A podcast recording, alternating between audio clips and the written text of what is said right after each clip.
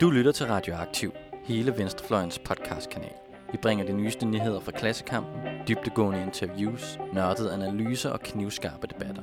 Hvis du kan lide, hvad du hører, så husk at følge os på SoundCloud eller din podcast-app, og du kan også smide et like på vores Facebook-side. Så læn dig tilbage, knap bukserne op og nyd en varm kop Rød Radio.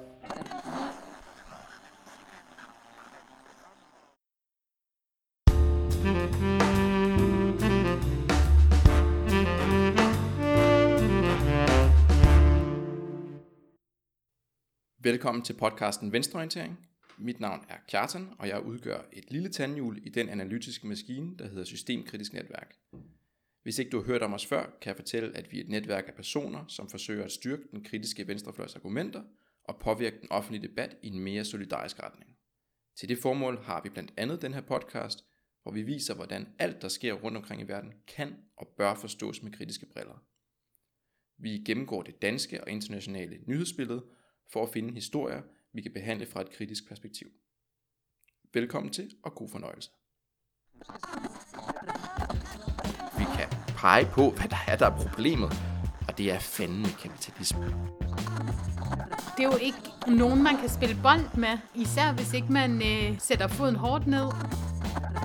Markedet er jo grundlæggende defekt.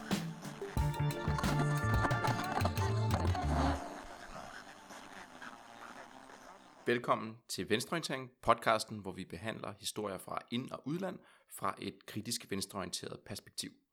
Og velkommen til alle jer, der har lyttet med før. Velkommen til alle jer, der er nye lyttere. Og ikke mindst velkommen til mine to medværter, AC Hej. og Camilla. Hej. De, den her podcast, den blev optaget og sendt lige omkring nytår. Så jeg tænkte, om I ikke her til at starte med kunne øh, være frisk på, øh, at vi prøvede at lege med en, en af de mange, mange nytårstraditioner, der ligesom eksisterer derude. Den tradition, jeg har i tankerne, det er, at man selvfølgelig kårer nogen som årets et eller andet. Det er I bekendt med. Ja. Ja, der er nytårstorsk, og der er forskellige ting. Jeg tænker, at vi, kan være, vi kunne være søde, og så kunne vi kåre øh, nogle af dem, der ligesom har hjulpet os i øh, det kritisk venstreorienterede arbejde i løbet af året. En af de ting, der, der nogle gange kan være vanskeligt ved at være venstreorienteret, det er at øh, vise krystalklart, hvad det er, kapitalismen er for en slags ondskab.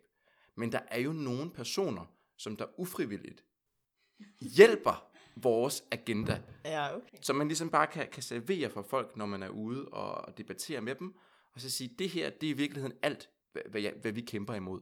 Så jeg tænkte, om vi ikke skulle prøve at finde ud af, hvem der egentlig har, har hjulpet os allermest i 2018 øh, med vores agenda, altså ufrivilligt. Jeg har et par bud. I er også meget velkomne til at byde ind med jeres egne. Mhm. Jeg lavede bare en hurtig brainstorm, og, øhm, og kom til at tænke på øh, Joachim B. Olsen. Jeg havde egentlig tænkt på, om, om man kunne tage hele LA's øh, folketingsgruppe, men det blev måske lidt meget. Joachim B. Olsen, der jo endnu en gang har gjort sig bemærket i årets løb øh, med at fortælle, hvordan der ikke er nogen som helst problemer med, øh, med fattigdom eller ulighed i Danmark. Mm. Senest har han kaldt det øh, fattigdom i Danmark så et ikke-problem fra Folketingets talerstol. Det, er- det, det var en person. Thomas Borgen er en anden person, øh, som er et, ligesom er blevet symbol på, på hvordan Danske Bank øh, har synes det har været, øh, været sjovt at tjene en masse penge på at, øh, at hjælpe kriminelle med at hvidvaske penge. Og så, øh, så er der Søren Pind, som jo blandt andet har foreslået, at, øh, at det skulle kriminaliseres at tikke. Det tænker jeg, det var, det var nogle af dem, jeg, der ligesom dukkede op i mit hoved. Nå, men det er vel kriminaliseret at tikke nu? Ej, det er kun, hvis du er, er, tigger på en utryghedsskabende måde. Jo, jo. Jo, jo. Ja, det, der- altså hvis du har et skilt og bare øh, ser soigneret ud, så tror jeg ikke, det er, altså, at det nødvendigvis er, er kriminelt.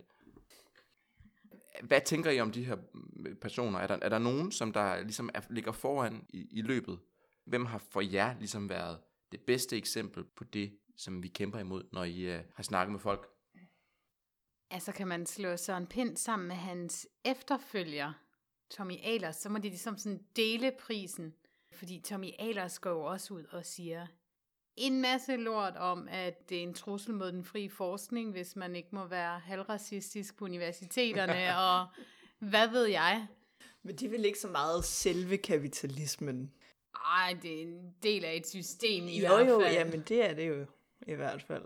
Altså bare det, at der sidder en, under, en forskningsminister, som kommer fra øh, entreprenørskabsmiljøer øh, og det private erhvervsliv, er jo et Ja, ja. symptom på, hvor, hvor vanvittigt det står til med markedskræfternes magt. Ja, På det Christiansborg. kan, det kan man sagtens sige. Så Tommy Ahlers er, er et fjerde bud. Ja. Hvad, er, der, er der andre, I tænker, der har været, sådan, der har været gode at hive frem til, øh, til familiefester, eller andet, når man skulle bevise, hvor idiotisk det er for en verden, vi lever i?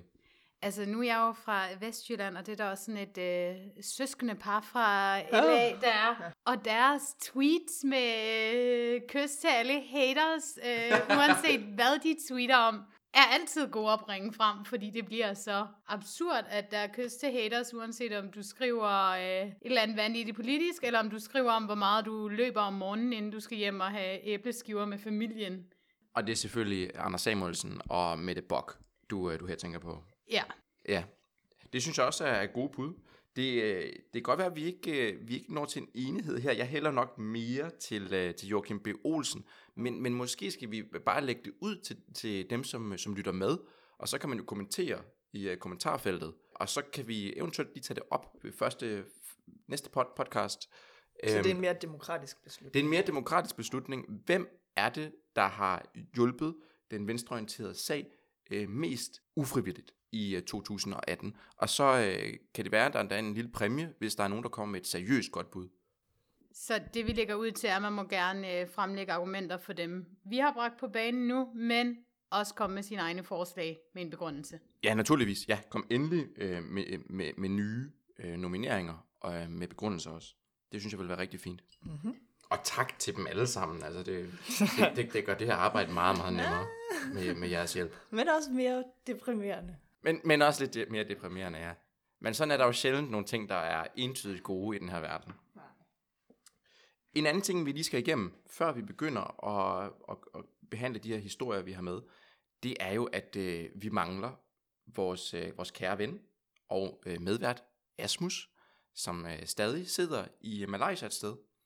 Og øh, vi øh, er jo ved at opbygge den her lille tradition, hvor vi øh, opdaterer ham om, hvad der sker i den venstreorienterede kamp øh, herhjemme. Og hvad, hvad synes I, at, øh, at han skal, ligesom skal have vide? Hvad er det vigtigste, der er sket siden sidst, som vi kan fortælle øh, Asmus om?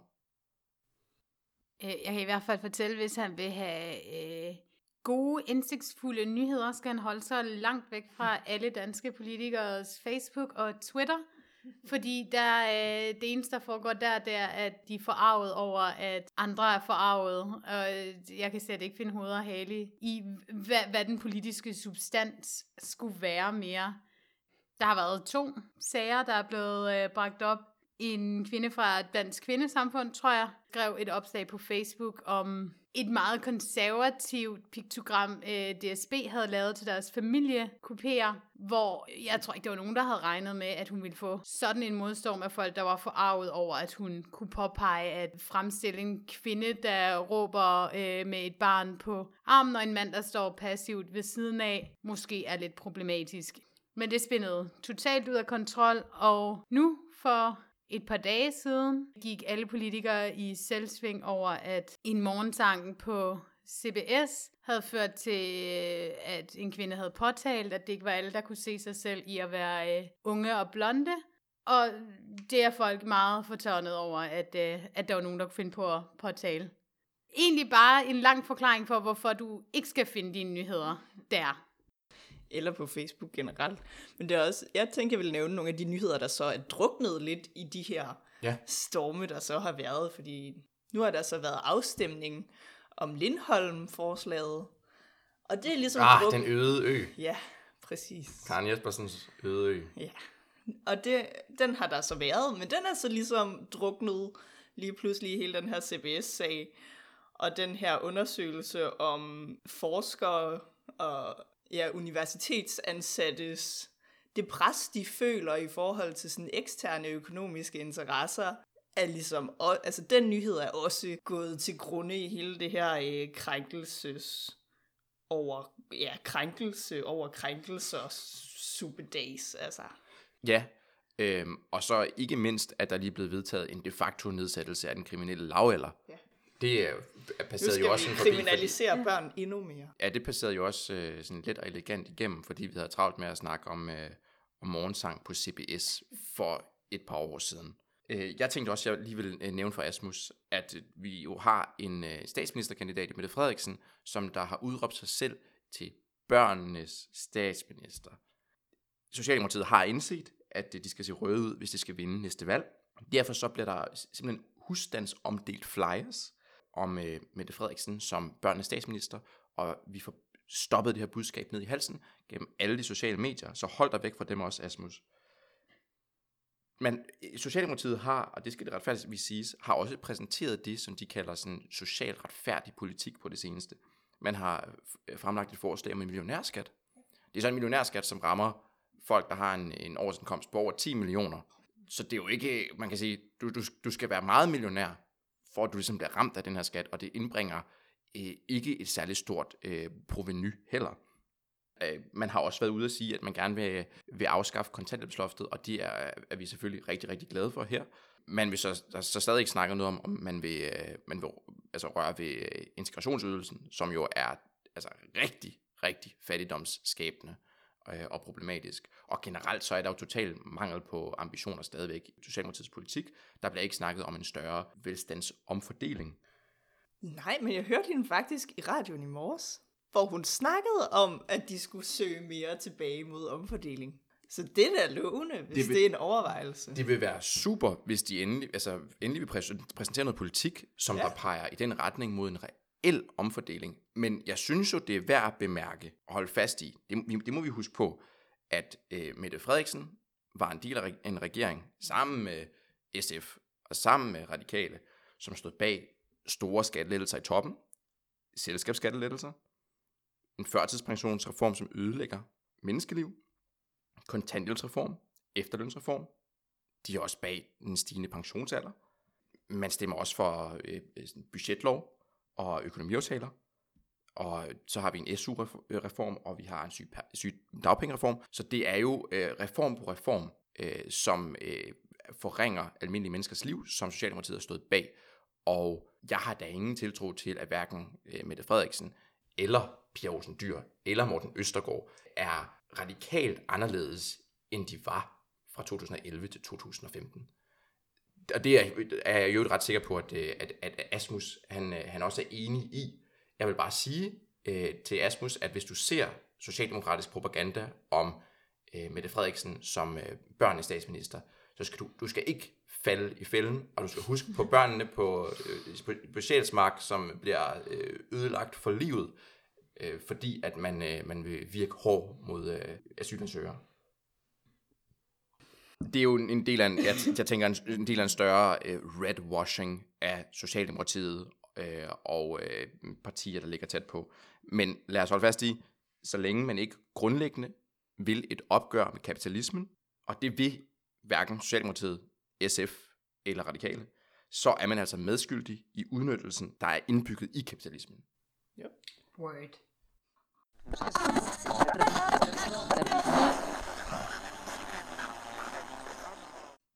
Jeg tænker, vi går videre til dagens første historie, som øh, en af os har med. Og øh, det er mig, der står for den.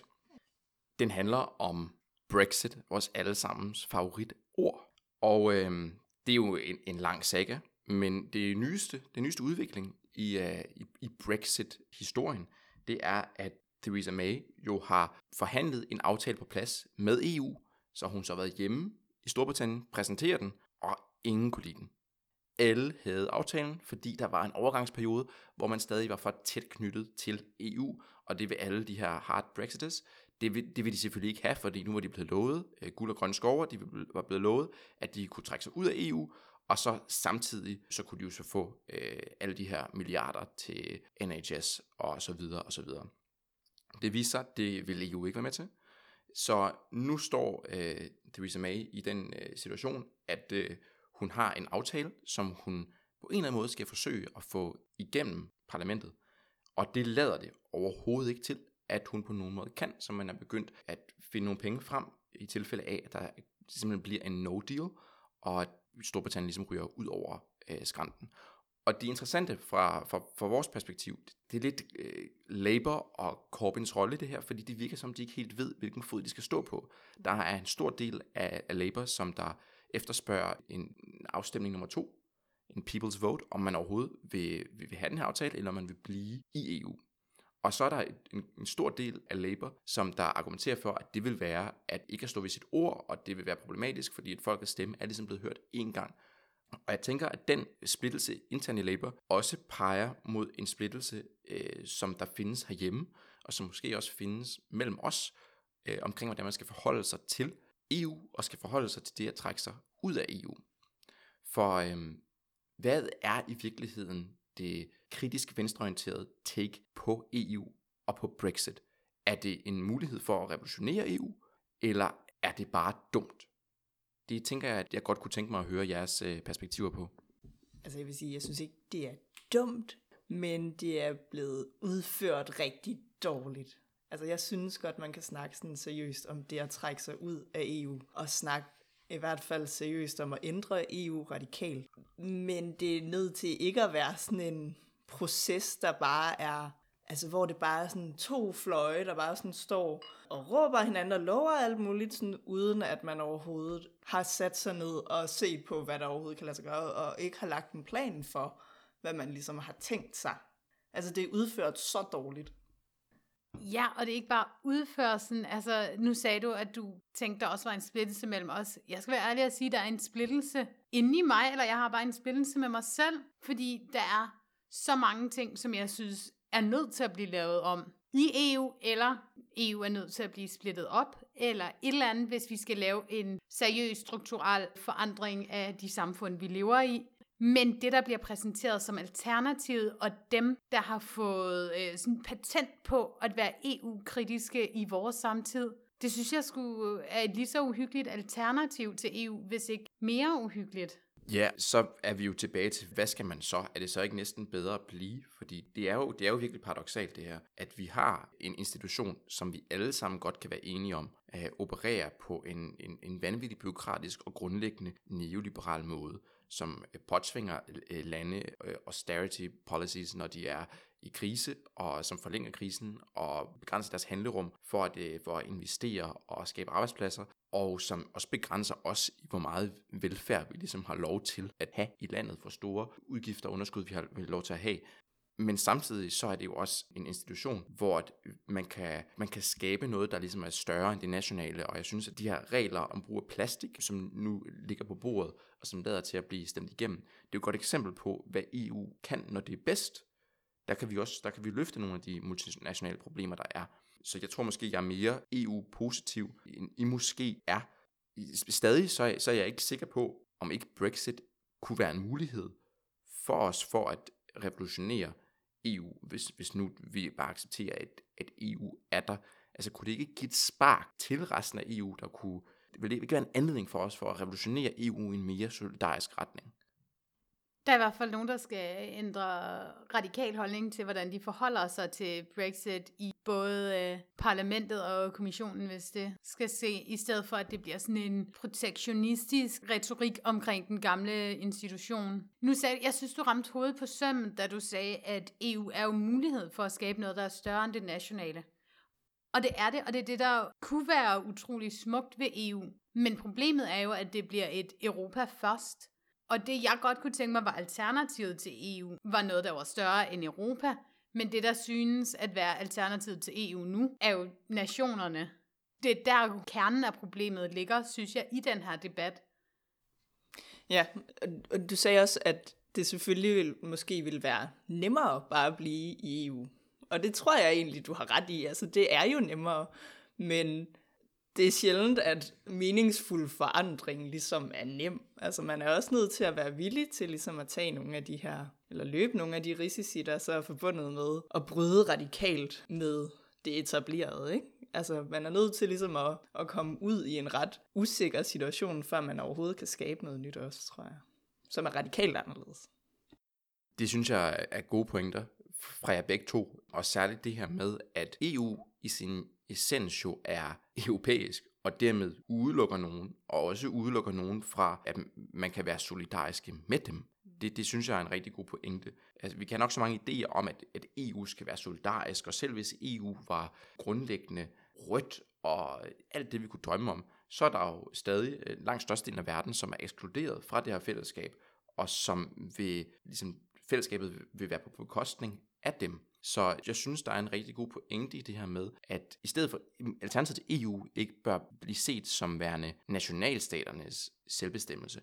Det bør måske bare være et langt, langt bredere internationalt fællesskab, som bør arbejde for, og som vi selvfølgelig bør arbejde for, at det bliver skabt efter vores hoveder, altså en solidarisk og bæredygtig institution. Og spørgsmålet er jo så fra, fra min side, er det, er det muligt, at Brexit kan bruges til at skubbe i den retning? Fordi det er jo, du har jo ret, Camilla, det er jo ikke det, man, man hører ned fra EU. Der tænker man bare, Storbritannien på vej ud, lad dem få deres lærestreg, og så, så, så skaber vi ligesom højere mure rundt om resten af EU for at beskytte os og konsolidere os. Det peger jo ikke i den retning, som, som vi godt kunne tænke os. Nej, fordi lige nu som, altså fordi Brexit udføres så dårligt, som det gør, så bliver det jo et skrækeksempel. Altså, der er jo ikke nogen lande, der har lyst til at stå i den her situation, som Storbritannien står i lige nu, hvor de sådan er til grin i hele verden, og hvor alt er sådan kaos internt, og sådan Altså, jeg tror, det er en ret skræm, eller sådan et skræmmende billede for mange mennesker, i hvert fald, der har gået med de her tanker. Og jeg tror også, at, at sådan anti-EU-bevægelsen i Danmark kan være svækket efter det her eksempel. Det ved vi jo ikke endnu, men det kunne jeg godt være bekymret for. Ja, så problemet er, at Brexit ikke kommer til at ligne en mulighed for alle dem, som gerne vil noget andet og noget større end EU, for at skabe det. I stedet for så bliver det noget, som der begrænser os og som får os til at tænke, at okay, Brexit er et major fuck-up, så vi må hellere blive i EU. Det tænker jeg i virkeligheden er, er ret meget øh, hoved på sømmet. Og så vil jeg også sige, at reaktionerne uden for EU til Brexit har jo også været utrolig negative. Og det tror jeg netop er fordi, at alternativet er nationalstaterne. Jeg sad, da britterne stemte, da resultaterne kom ind, der sad jeg i Beirut, hvor libaneserne var fuldstændig forfærdet, fordi det var endnu et eksempel på sådan nationalistisk politik i Europa, lukkede grænser, skævfridning af verden, hvor han netop tænker, at EU har været så meget med til at få den arabiske del af verden over økonomisk siden øh, Stål- og 12-unionen, fordi omfordeling inden for EU og støtte til europæisk produktion har gjort, at europæiske produkter bare er billigere i den arabiske del af verden, og det er umuligt at få sin egen produktion op at stå. Så at tingene falder fra hinanden, burde jo være en glædelig nyhed der, men det var det ikke. Folk var øh, paniske over, hvad bliver det næste? Hvor meget mere nationalistisk kan Europa blive? Og hvad betyder det for os og vores mobilitet? Det synes jeg er en rigtig god, øh, rigtig god pointe, og jeg tror måske, at, at øh, vi kunne opsummere det, som vi har snakket om her, i at selvfølgelig er de kræfter, nogle af kræfterne bag Brexit, altså dem, som, øh, som lovede, at øh, nu vil øh, NHS, de vil få øh, skille milliarder ekstra øh, til at øh, skabe sundhed for, og øh, at nu vil alt blive godt med manglende EU-indblanding. De, de kræfter er, er selvfølgelig forlorene, og der var, var en, en stor del af kræfterne bag, som også jo grundlæggende er racistiske og xenofobiske og alt muligt andet. Men at frustrationen, som der har, har ligesom har givet brændstof til Brexit, den er forståelig. Både de frustrationer, som der jo så kom til udtryk i, i Brexit, og dem, som er resten af verden over, hvordan EU agerer de er meget, meget forståelige. Og det rette at gøre med de frustrationer, nu hvor vi har et Brexit, det er at prøve at sige, når det nu er en mulighed at træde ud af EU, kunne vi så tænke i noget andet, i noget større, i noget mere solidarisk. Og det må være den kritiske venstrefløjs opgave at prøve at tegne konturerne af, hvad det så er, der kunne være, i stedet for det, som hverken er nationalstaternes egen sådan lukkede haven, som vi har haft i rigtig lang tid, og det har vi set, hvordan det, kunne, det er dejligt med krige øh, op gennem øh, 1800-tallet. Men hvordan det heller ikke er et EU, som der agerer på neoliberal maner.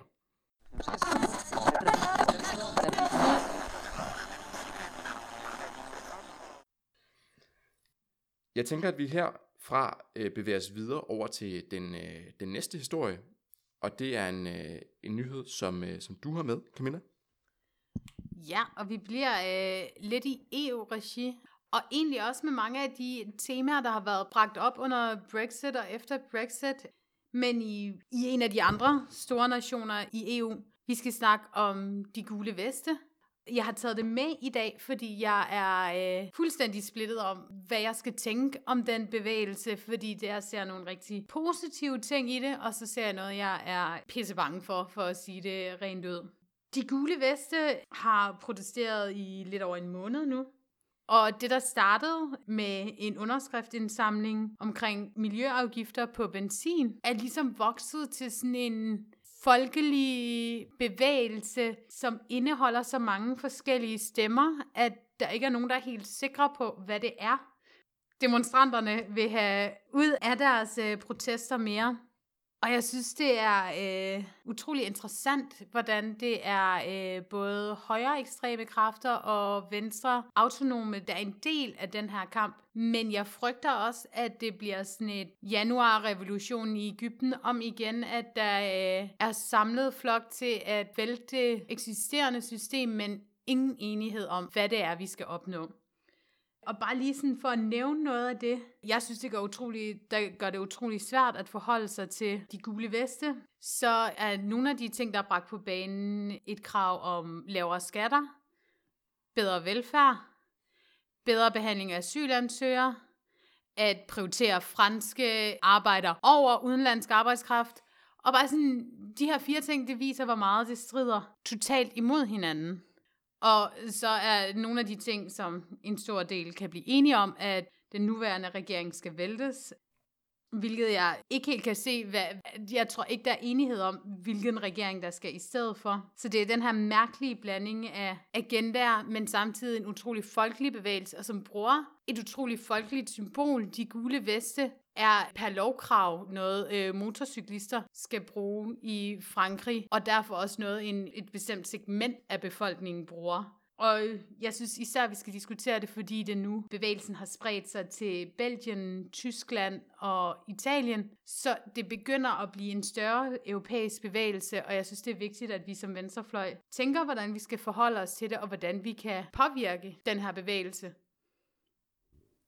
Ja, ja der, er to, eller sådan, der er to ting, der lige slår mig. Altså, det er jo dybt interessant, at det både er Mélenchon og Marine Le Pen, som altså støtter og bakker op om den her bevægelse, ikke? Og det er jo tydeligvis for at vælte den siddende regering, men der var ingen af dem, der ligesom var i stand til at mønstre nok støtte øh, under sidste valg til ligesom selv at kunne, kunne lave en regering, og det er jeg ikke sikker på egentlig har ændret sig, hvis det bare stadig er de to fløje, der så godt nok sådan er lidt samlet i den her bevægelse lige nu, men, sådan, men som nok ikke kan samle sig om en enkelt af de her to kandidater, hvis der så kommer et, et nyt valg. Og så tænkte jeg også, at, at sådan begyndelsen på hele den her bevægelse, altså begyndelsen med, at, at de ligesom samlede sig imod en større miljøafgift på benzin, ligesom eksemplificerer sådan hele problemet med fattigdom. Altså sådan, at problemet er, at de her mennesker er afhængige af at kunne komme på arbejde i deres biler, fordi der er en elendig infrastruktur derude, hvor de bor. Så man kan godt forstå, at de bliver frustreret over det her, ikke? Men der er det måske ikke selve miljøafgiften, der så er det grundlæggende problem, men det faktum, at der er så mange mennesker i de her landdistrikter, som ikke har råd til så at klare sig, hvis, hvis priserne stiger på benzin. Og det er jo et generelt problem i Frankrig, der har rigtig mange adfærdsregulerende afgifter, at de altid rammer socialt skævt. Ja, jeg tænker, det, det giver rigtig god mening, og, og i forlængelse af det, du siger, AC, så tænker jeg, at det her det er rigtig fornuftigt at bruge den figur, som vi har tilgængelig på, øh, på, på venstrefløjen. Og det er, det er ikke symptomet, altså de gule vestes protester og den her mærkelige blanding af agendaer, men altså selve sygdommen, det at der er nogen, der lider, der er så mange, der lider, som er det rigtig interessante i virkeligheden er det jo, det er enormt spøjst, det her med, at der, der er så mange, der har forskellige agendaer. Man vil både behandle asylansøgere bedre og dårligere, og man vil både have lavere skatter, og så også bedre velfærd. Det, det kommer jo et, et, et sted fra, det kommer jo fra en desperation, det kommer jo fra, at almindelige mennesker, alle dem her, som er ude protestere, det er jo ikke overklassen, der er ude protestere. Altså alle dem, der er ude protestere, de oplever jo forringelser, eller de er presset på den ene eller den anden måde. Det er både landmanden, og det er sygeplejersken, og det er arbejderen, det, altså det, og det er de studerende. Altså det, det, er, det er så massiv en gruppe af, af mennesker med alle mulige forskellige politiske retninger. Og det er ikke de politiske retninger, som ligesom for, er sandheden. Det er deres desperation, som skyldes kapitalismen, som er sandheden. Og det må være vores opgave som venstrefløj at prøve at vise, hvor det er, at deres desperation egentlig har sin oprindelse. Det er ikke i sig- isoleret set øh, skatter eller miljøafgifter, som jo kan være rigtig fornuftige politiske instrumenter på alle mulige måder. Det er jo generelt en måde, man har indrettet et samfund på, og som Macron jo har valgt, at man skal fortsætte i den retning af, at man skal, man skal eskalere den her sådan, ulighed, øh, som der jo er, er iboende i kapitalismen. Så jeg synes i virkeligheden, at de gule veste, på grund af den diversitet, der er i det politiske spektrum øh, hos de her folk, der er en del af det, er et rigtig godt eksempel på, hvad det er for en desperation, som kapitalismen afføder. Det synes jeg er øh, spot on, hvad det handler om. Øh, og jeg vil faktisk sige, at i den forbindelse, så er det jo rigtig positivt, at sådan lappeløsninger til reformer, som Macron har øh, lagt på bordet nu, sådan 100 euro mere om måneden i lønposen til øh, visse grupper og sådan noget, ikke har stoppet protesterne. Fordi de der øh, små reformer for at give folk en lille finger, er der, hvor de fleste revolutioner eller protestbevægelser går hen og dør. Og det er, hvis jeg skal sige noget som helst positivt, så er det, at det ikke har stoppet nogen for stadig at protestere. Og det ikke har stoppet politiets øh, fagforeninger for at lægge op til, at de protesterer, at politiet får øh, den ene gulderåd efter den anden for at skulle slå hårdt ned demonstranter. Ja, der synes jeg faktisk, det var rigtig øh, det er interessant, det som Zizek øh, har sagt om den her bevægelse, og som, som info, information har bragt i oversættelse. Netop det her med, at, at bevægelsens mm, problem måske er, at deres krav, altså det her om lavere skatter og stadig bedre velfærd, men sådan, at de her krav, de så er formuleret inden for systemet stadigvæk, og ikke sådan ligesom prøver at, at sprænge systemet, og ikke prøver at tænke ud over, og så prøve at faktisk kigge på, hvordan man sådan generelt kunne indrette tingene anderledes, så det var bedre for flertallet af befolkningen. Ikke? Øh, så jeg synes, han har en god pointe, når han siger, at der ligesom skal være en betinget støtte fra venstre, fra os på den kritiske venstrefløj. Altså på betingelse af, at man så prøver at bryde mere med det etablerede system, og ikke bare at lave sådan nye lappeløsninger eller andre lappeløsninger inden for et system, der er sådan grundlæggende er defekt. Lige for en god ordens skyld, det du refererer til her er et debatindlæg, der er blevet bragt i Information den 19. december, som er skrevet af filosofen Slavoj Žižek. Præcis. Og jeg tror ikke, at øh, jeg tror faktisk ikke, at, at, at Zizek kan få, fornævnt nævnt det øh, i det her debatindlæg, så, så vidt jeg erindrer. Men en af hans normale pointer, det er jo, at venstrefløjen, eller at alle dem, som, lad os bare sige alle dem, som er desperate øh, over, hvordan verden ser ud i dag, og hvordan det bliver behandlet, øh, de behøver ikke at komme med et svar på, hvordan verden så skal se ud, nødvendigvis. Desperationen er nok, og det, det, det synes jeg jo, det, det giver jo sig selv. Du kan jo ikke forvente, at den her menneskemængde er enige om, hvad det så er, der skal erstatte det system, som er vendt mod dem.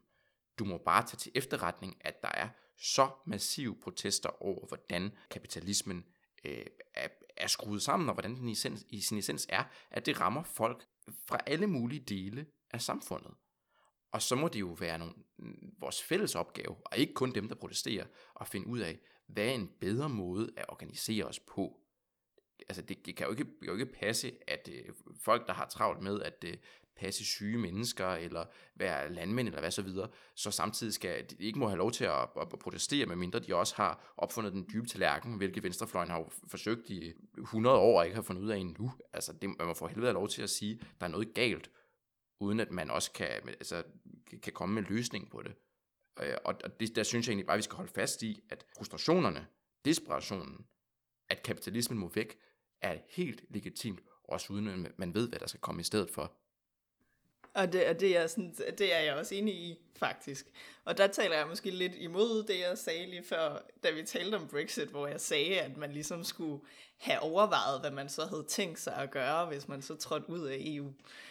Men der tror jeg stadig, at det, altså, der, der er Brexit måske netop også et eksempel på, hvor stort et problem det kan være, hvis man prøver at lave de her gennemgribende forandringer uden at forandre selve systemet. Altså sådan uden at bryde med det, fordi så står Theresa May inden for det her system stadigvæk og skal tale på sådan, eller skal forhandle på en hel befolkningens vegne. Og så bliver det et eller andet kæmpestort rod. Det er meget præcis det, du siger til sidst med, at der er forskel på at kræve systemiske ændringer, fordi der er et system, der efterlader dig i umenneskelige vilkår. Og så at melde sig ud af en overstatslig organisation, man forventer at have de samme systemer til dels bagefter. Altså, det er jo en, en klassisk øh, kapitalistisk herskerteknik, at sige sådan, Nå, du er tilfreds med, hvad, hvad, hvad vi kan byde dig nu. Hvad vil du så have? Vil du have gulakker? Altså, vil du, vil du have, at samfundet kollapser fuldstændig? Hvad? Er det bedre? Og, og nej, det vil man jo ikke. Man må jo have lov til at, øh, at pointere, hvor ødelæggende et system er for mennesker og for kloden og for alt, hvad vi har kært, uden at man nødvendigvis ved, hvad der skal komme i stedet for. Altså det er en hver sådan øh, liberal idé om en sådan åben dialog, og at vi kan tale os frem til en eller anden form for løsning. Det må da forudsætte, at vi kan pege på, hvad der er, der er problemet, og det er fanden med kapitalismen. Og folk skal stoppe med at hive sovjetkortet, lige så snart du kritiserer kapitalismen, eller finanssektoren, eller et eller andet. Fordi alternativet til at have store banker, der spekulerer og hvidvasker penge for deres rige kunder, er altså ikke gulag. Og det her altså skud videre ud til andre på venstrefløjen også, som også bruger den her teknik i diskussioner, hvor man så udtrykker en utilfredshed med et eller andet, eller en kritik af et eller andet, hvor de så slår over i sådan et eller andet skrækeksempel, bare fordi de føler, at det så er et modargument, i stedet for faktisk at tage kritikken seriøst og overveje den. Ja, det øh, er lidt selvtillid, venstrefløj. Altså det, vi, vi må både godt kritisere, og så tager os lidt tid til at fundere over, hvad der skal erstatte de her ubehagelige systemer, der øh, ødelægger verden.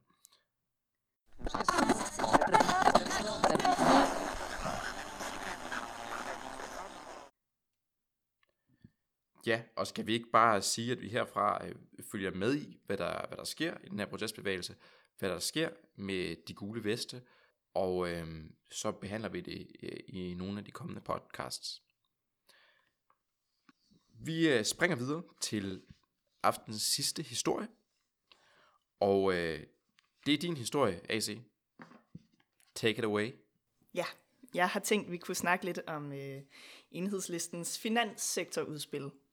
Øh, de har ligesom grebet det her øh, 10 år for finanskrisen til at ligesom evaluere, hvordan hvilke øh, tag man så har taget med finanssektoren siden da, for ligesom at sørge for, at vi ikke kommer ud i en ny krise, der, der ligner den gamle. Øhm, og jeg tænker, at jeg bare lige vil oprids øh, nogle af enhedslistens forslag, og så kan vi ligesom diskutere dem derfra. I hovedtræk er deres forslag nummer et en opsplitning af såkaldte finansielle supermarkeder, som så er de her institutioner, hvor der er pengeinstitut, realkredit, forsikring og ejendomsmaler i en. Man kan tænke på nykredit for eksempel. Altså sådan en opsplitning af dem, så de ikke sådan er mudret ind i hinanden, og så der ligesom er sådan sikringer imellem dem, hvis det går galt i en af afdelingerne. Ikke? Og så vil de også opsplitte banker i sådan kundeorienterede banker, og så investeringsbanker. Og så vil de sikre, at der er et loft på 20% af BNP på pengeinstitutters samlede størrelse. Og til sammenligning kan vi så sige, at Danske Bank er dobbelt så stor som Danmarks BNP lige nu. Eller sådan. Altså sådan vanvittigt stort bank. Og andet forslag er at bremse privat gældsætning og forhindre boligbobler. Det skal man så gøre ved at udfase risikobetonede låneformer og rentefradraget.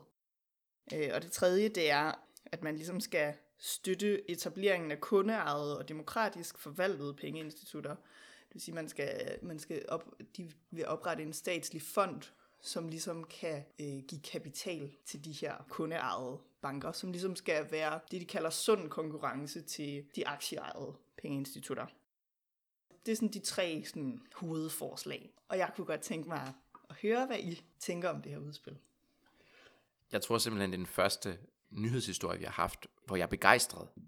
Normalt der er det jo sådan noget med, at jeg sidder og sur over et eller andet, og så måske kan man vinde det til noget, noget godt. Men det er jo rigtig, rigtig fedt, at øh, enhedslisten har, har taget det her initiativ, og øh, viser en vej frem, og en, øh, skal vi sige, naturligvis en mere solidarisk øh, vej frem, end øh, resten af Folketingets partier har gjort.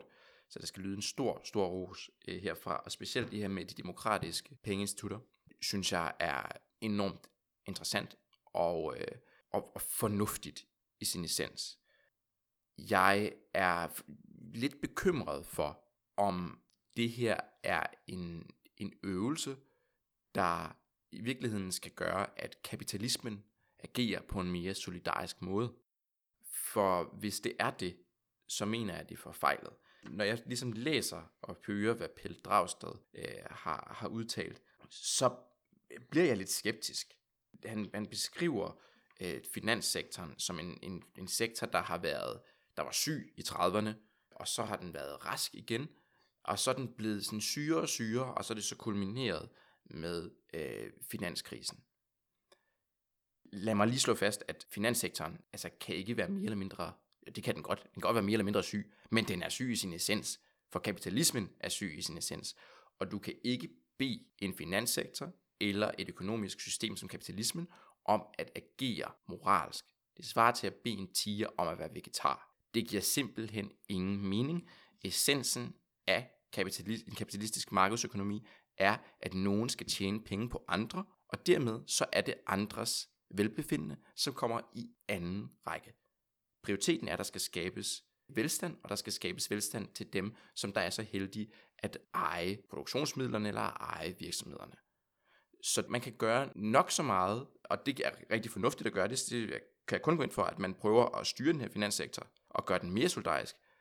Men for hver gang man argumenterer for det, som enhedslisten gør nu, synes jeg, at man har en forpligtelse til også at sige, at vi skal selvfølgelig lave det hele om, og der skal slet ikke være en privat finanssektor, der spekulerer på andre folks bekostning.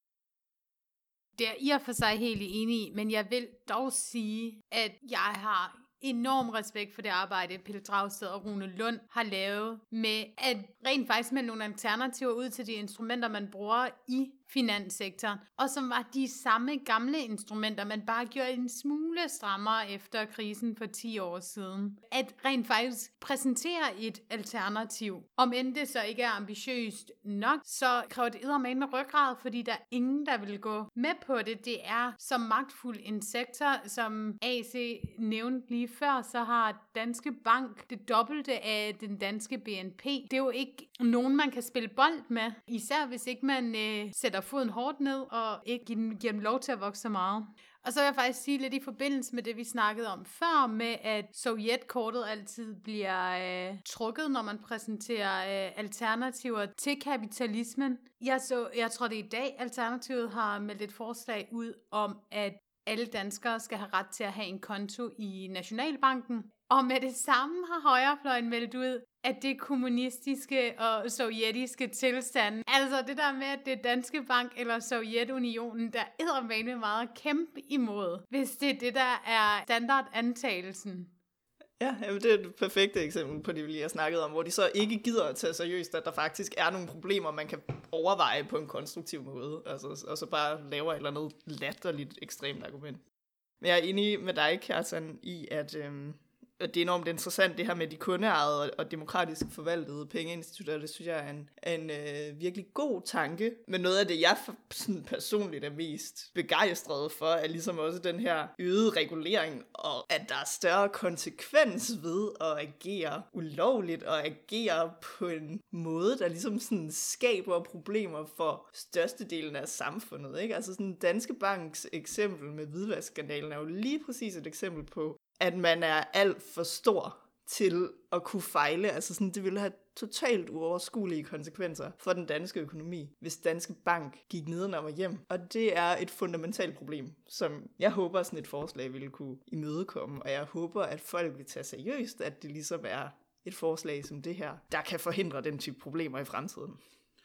Ja, Jeg, jeg er enig, og jeg er sikker på, at det kunne forhindre nogle af de problemer, og øh, om ikke andet, så er det jo bare moralsk øh, rigtigt, at øh, man ligesom fra finanssektorens side kommer til at stå til ansvar for den øh, skade, man har påført mennesker, og det er rigtig fint i enhedslistens udspil her, at der er en øget regulering, der også øh, skal sikre, at vi ikke har de her svingdøre mellem de finansielle institutioner, og så alle dem, der skal kontrollere, at de finansielle institutioner, de opfører sig ordentligt. Fordi det er, jo, det er jo det, der har været et af problemerne hidtil, og som jo er indlysende bizart, uanset hvor meget højrefløjen forsvarer det. Ja, sådan opklarende, at det er altså det her med, at der skal flere ressourcer til finanstilsynet, og der skal være indført en karensperiode på topfolk fra banksektoren, og om de kan være i finanstilsynet og omvendt, ikke? Lige præcis. Øh, og det er jo selvsagt rigtig skønt, og, og hvis man, vi ligesom, hvis vi nu bare snakker på, på kort sigt, stadig inden for et, øh, skal vi sige, et, et kapitalistisk markedsøkonomisk system, så er det her rigtig, rigtig godt. Jeg vil også bare gerne have, at vi, vi snakkede om på længere sigt, og jeg vil også gerne have, at enhedslisten endnu oftere gjorde det, fordi de er jo en, en fantastisk øh, medspiller i det her, og et sted, hvor der er så mange gode kræfter. Der er, der, der er virkelig mange at lege med. Derfor bekymrer det mig også bare, når, når Peter Dragsted udtaler, at man ligesom man skal give danskerne flere valgmuligheder med de her demokratisk styrede finansielle institutioner. Som om, at det, nu skal det være et valg mellem, om man vil øh, sætte sine penge i et demokratisk styret finansiel institution, eller i en af de gamle institutioner den kamp tror jeg simpelthen ikke, at man vinder i sådan en, en, en normal konkurrencesituation. Der tror jeg ikke, at vi som øh, individer er, er gode nok til at vælge det moralske alternativ. Jeg tror, at vi kommer til at vælge den institution, som der øh, kan lokke med den størst mulige udnyttelse af andre mennesker, hvis det kan give os en fordel. Så jeg mener slet ikke, det bør være en mulighed at være en traditionel finansiel institution, som øh, grundlæggende tjener sine penge på at udnytte andre mennesker. Det skal jo for helvede alt sammen være demokratisk styret. Og det vil jeg gerne have enhedslisten siger. Højt og tydeligt. Case in point, hvis vi valgte moralske, øh, så havde der jo været kundeflugt fra Danske Bank det sidste halve år. De havde jo ikke haft nogen tilbage. Slet ingen statsinstitutioner. Ikke engang staten kan vælge det moralske korrekte alternativ. Nej, det er det. Altså et lille anekdote der er en af dem nede på den bar, hvor jeg arbejder, der fortalte, at han netop havde skiftet til Danske Bank, fordi de ligesom kunne tilbyde en rigtig god rente, ikke? Og det er klart, fordi de er ude i sådan en charmeoffensiv. Ja, og, og det er netop et, et eksempel på, at det her med sådan sund konkurrence, det tror jeg er den formulering, Pelle Dragsted bruger i et interview, måske stadig er et problem, hvis, den, altså hvis man forestiller sig, at det sådan sker på markedsvilkår, fordi det er jo sådan, altså grundlæggende, markedet er jo grundlæggende defekt. Præcis. Og et lam kan ikke konkurrere med en ulv.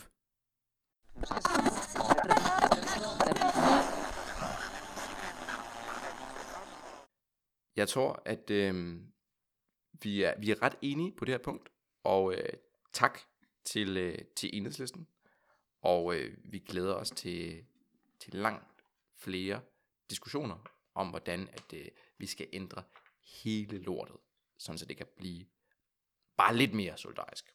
Og gerne meget mere solidarisk. Det var så de, øh, de tre historier, vi havde med i dag. Vi er, er kommet lidt, øh, lidt rundt om det hele, både fra indland og udland. Vi har snakket både om Brexit, vi har snakket om øh, nogle gule veste, og hvad det er for nogle frustrationer, der ligger til grund for de gule veste. Og så øh, har vi mindst snakket om, hvordan man øh, enten tøjler en finanssektor, eller ændre hele måden, den, øh, den fungerer på. Og ja, tak til alle jer, der har lyttet med. Vi øh, glæder os jo altid over, når folk de bidrager med kommentarer til det, vi snakker om. Så fortsæt endelig med det. Og husk, der er en lille præmie på højkant, hvis man kan komme med et rigtig godt bud på, hvem der er årets bedste ufrivillige hjælper af den kritisk venstreorienterede sag. Vi, øh, vi glæder os til at, høre, hvad I har for nogle bud derude. Og øh, så høres vi med næste gang.